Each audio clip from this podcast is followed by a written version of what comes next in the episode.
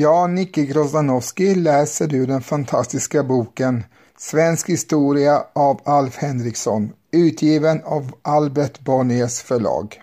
Kung Eriks tronbestigning När Gustav Vasa gick ur tiden 1560 på Stockholms slott befann sig arvkonung Erik på resande fot i trakten av Älvsborg, ty han var på väg till England för att personligen fria till drottning Elisabet. Idén var mindre förflugen än den kan låta, säger Ingvar Andersson och andra nutida historieskrivare.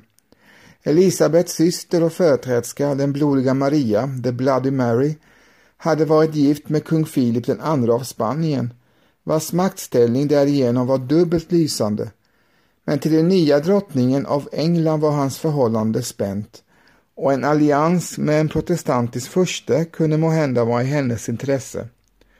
För Sveriges del kunde en union västerut bli av överväldigande politisk betydelse, bryta den danska inringningen och göra Älvsborg till en handelscentrum av största vikt. Även Gustav Vasa lekte en tid med sådana tankar och intresserade sig i början mycket för sin sons frieri. Sonderingar i London på sommaren 1559 hade lämnat uppmuntrande besked och på hösten samma år hade hertig Johan rest över till England som sin broders talesman och ambassadör. Han mottogs mycket magnifik och hans ombud avslogs inte direkt. Men drottning Elisabet lät förstå att hon ju inte kunde gå no ge något löfte åt en friare som hon aldrig hade sett. Med det beskedet kom Johan hem till Sverige på våren 1560 och Erik uppfattade strax hennes ord som en invit att komma till England. Gustav Vasa informerade om ambassadörens förlopp genom Sten Lejonhuvud som hade åtföljt Johan insåg att så var det nog inte. Ivrigt bearbetad av de båda sönerna gick han emellertid med på att Erik skulle få fullfölja sitt frieri och en ståtlig expedition utrustades för att överskeppa den unge fursten som var på väg till det väntade örlogsskeppet Elefanten i Älvsborg då han nåddes av budet om Gustav Vasas död. Han reste genast tillbaka genom Sverige, men i sakta mak. Efter två månaders färd varunder han i officiella former mottog menighetens hyllning återkom han den sista november till Stockholm, där Johan under tiden hade förberett begravningen. Dagarna före jul gick ett väldigt liktåg hela den långa vägen från Stockholms slott till Uppsala domkyrka i vintermörkret. 700 knektar, 200 ryttare och 600 sjungande jänkar skrek sorgklädda före furstarna och riddarskapet, som omgav den svarta hästbår där den döde konungen vilade mellan sina två första drottningar, vilkas lik dittills hade stått insatt i Stockholms Storkyrka.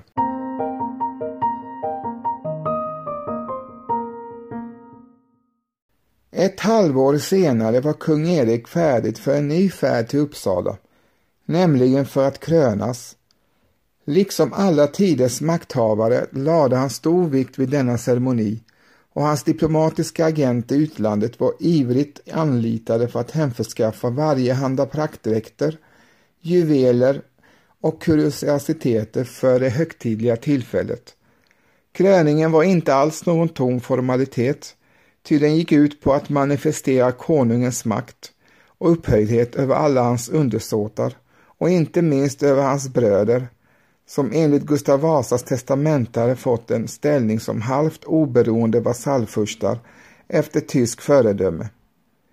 För Erik var detta ingen önskvärd tingens ordning och de flesta rådsherrarna med Svante Sture och Per Brahe i spetsen delade för övrigt hans mening.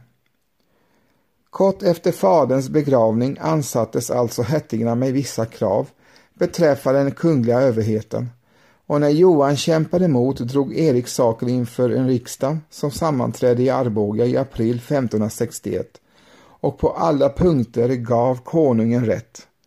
Riksdagsbeslutet i fråga kallades Arbogaartiklar och berövade i realiteten hertigarna dess suveränitet.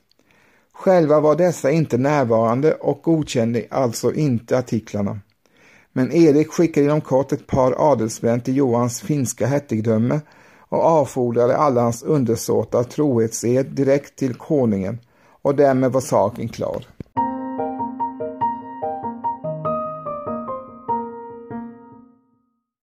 Kröningen ägde rum i Uppsala i slutet av juni och vi är väl underrättade om ceremonierna processionerna och kalasen i samband med den.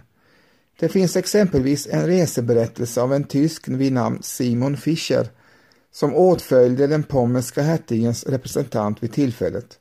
Den är rätt rolig lektyr att läsa och ger tänkvärda glimtar av livet i Stockholm och Uppsala under dessa festliga dagar.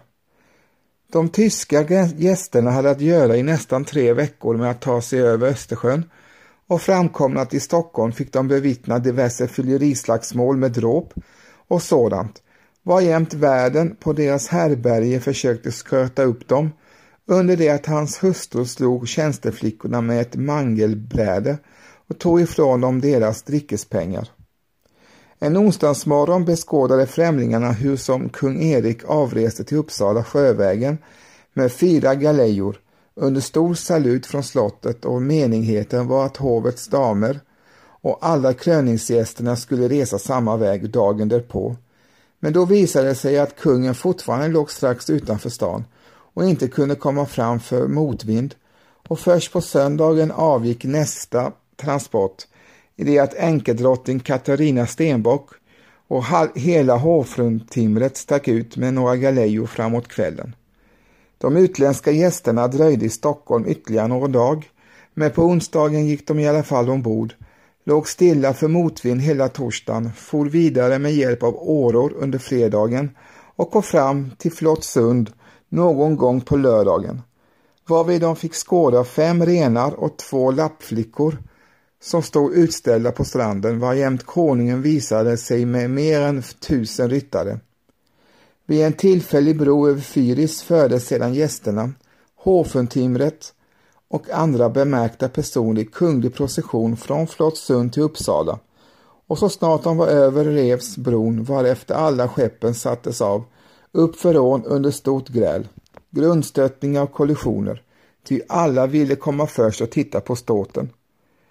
Kungen själv red på en snövit häst i silverstickad och pärlbesatt ridrock och barett med röda och vita plymer. Landsknäktar bildade häck, prästerskapet och jänkarna sjöng psalmer och intåget i Uppsala ägde rum under kanonsalut.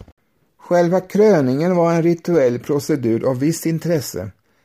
En stor skara präster i full ornat tog emot konungen vid ingången till domkyrkan och ledde fram honom till koret där han efter en ed, som förstavades av ärkebiskopen, kläddes av till midjan och knäböjdes smordes till konung med helig olja. Smörjningen ägde rum på pannan, på bröstet, på skuldrorna, på armleden och på händerna under ideligt uttalande av en bön om kraft från ovan till folkets beskärmning och varjehanda dydiga verk. Därpå kläddes han högtidligen på igen och leddes fram till sin tron, där man under övliga hyss satte krona på hans huvud och överlämnade spiran, riksnyckeln, riksäpplet och svärdet. Dessa förnödenheter var alldeles nya och hade utförts i Stockholm av en koloni holländska guldsmeder som nog var framstående yrkesmän, ty deras verk beundras mycket av sakkunskapen som säger att kronan, spiran och äpplet intar en rangplats bland världens regalier. Som bekant finns de i behåll än idag och framdukas varje år vid riksdagens högtidliga öppnande. Kronan har dock undergått en del förändringar under de senaste århundraden. Efter kröningen slog Erik XIV en del personer till riddare, däribland några utländska delegater som inte alls var trakterade av detta. Han utnämnde vidare tre grevar och nio friherrar som knäböjande ifördes fotsida dräkter och ståtliga hattar framför altaret och därefter svor honom trohetsed.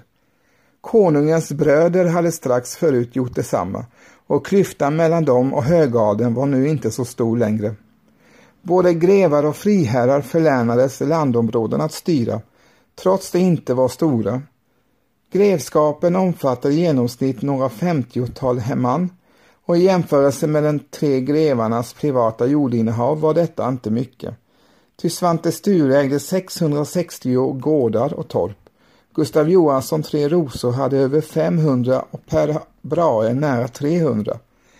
Dessa herrar fick sin grevetitel medan de var kötsligen släkt med konungen under det att de övriga anförvanter till konungahuset fick nöja sig med att bli friherrar.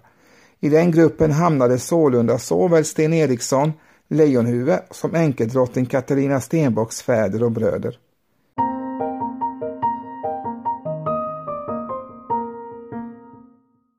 Kröningsceremonierna följdes naturligtvis av stort kalas, inför vilka fyra jänkar hade stått och stött kryddor i 14 dagar på Uppsala slott. Allmänheten utspisades med helstekt oxe och vin och öl fanns efter behag att hämta i varsin brunn. Under de följande dagarna anordnades fyrverkerier och djurhetsningar i det att man lät åtta arga hundar slåss först med två björnar och sedan med en björn och en tjur. Man höll vidare turnering där Erik Gustafsson Stenbock bröt ena benet till allmän tillfredsställelse, ty en turnering utan olyckshändelse ansågs aldrig vara lyckad. I sinom tid lämnade konungen därefter Uppsala med sitt följe och reste sjövägen tillbaka till Stockholm, där han två dagar senare kunde göra en triumfatorisk intåg. Alla gator var skönt sopade och beströdda med gräs. Det hängde girlanger överallt mellan husen och kungens pipare blåste i basuner och krumhorn. Salut dundrade från slottet, det flaggades på alla torn och galejor och det kungliga följet red fram genom ett triumfbåge av målat trä med kungens porträtt under vilket det stod på latin att stora ting anstår stora män. Magnus magna decent. Sedan blev det förstås bankett igen och en kväll förundrades stockholmarna och bröllopsgästerna beskåda hur som en lina spändes från Storkyrkans torn ner till slottets trädgård varefter en av kungens lakejer gjorde konster på linan. Några dagar senare anlände en skara bröllopsgäster från Polen, mer än 14 dagar för sent. De togs emellertid emot med pukor och trumpeter. Omedelbart efter dessa lustbarheter tog konung Erik på nytt i tur med tillrustningen och för sin engelska resa. Med stor svit kom han i början av september till Älvsborg och gick ombord på en ståtlig flotta som strax lättade ankar. Vinden var god, men när han kom till Skagen blev det full storm och flottan splittrades och måste vända till stor sorg för kung Erik, som nu fick sätta sig att författa ett sirligt latinskt brev till drottning Elisabet, där han i tidens kruseliga stil klagade över det motiga ödet som hindrade honom att skynda fram till henne, med all sin osjälviska rena kärlek.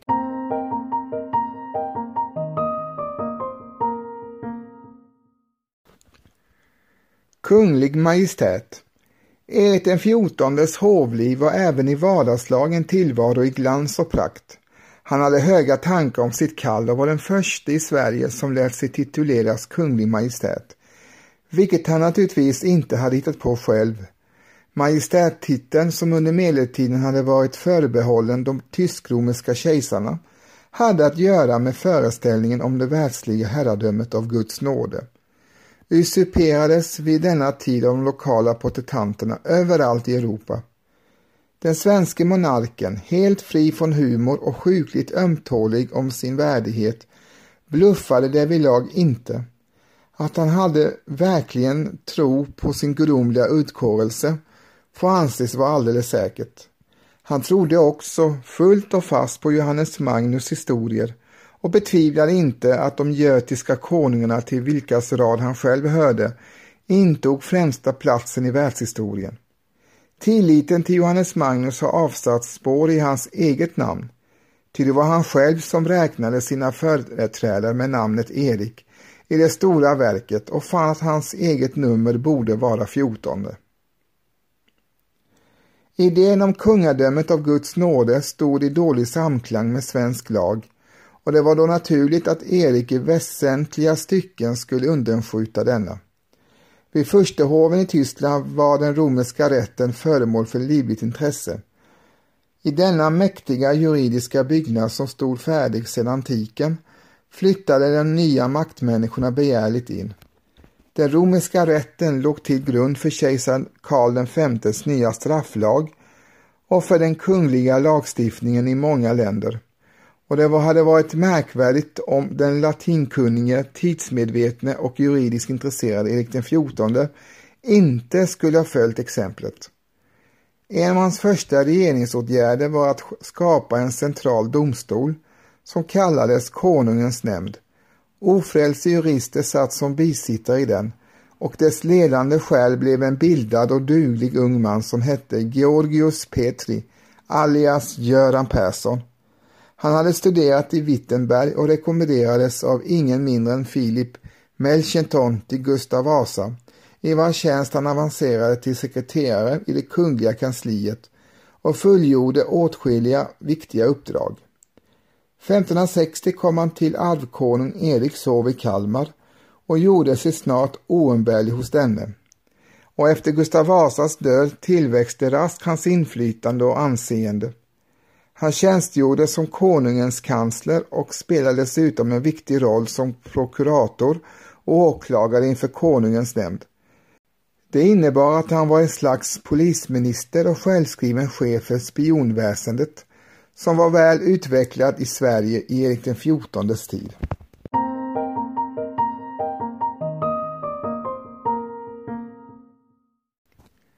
Konungens nämnd som omtalas först i en stadga som kallas kung Eriks hovs artiklar utfärdade någon månad efter hans trontillträde.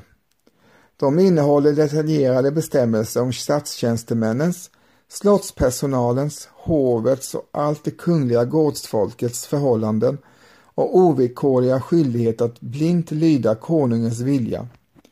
Överträdelser eller slarv gentemot dessa stadgar var frikostigt belagda med dödsstraff. Dessa hovartiklar åberopades minst lika ofta som landslagen i de många hundra mål i vilka konungens nämnd avkunnade dom och nämnden utvecklade sig också till en verklig blodsdomstol vars efterlämnade handlingar bör vittna om suveränt förakt för människoliv. En finländsk dräng som hade målat svenska riksvapnet, de tre kronorna, upp och ner på några portar på Norrmalm, dömdes obevekligt till döden. Och samma sak hände konungens båda palunvaktare när de en gång hade lagt tre käppar i kors på ett avsidigt ställe.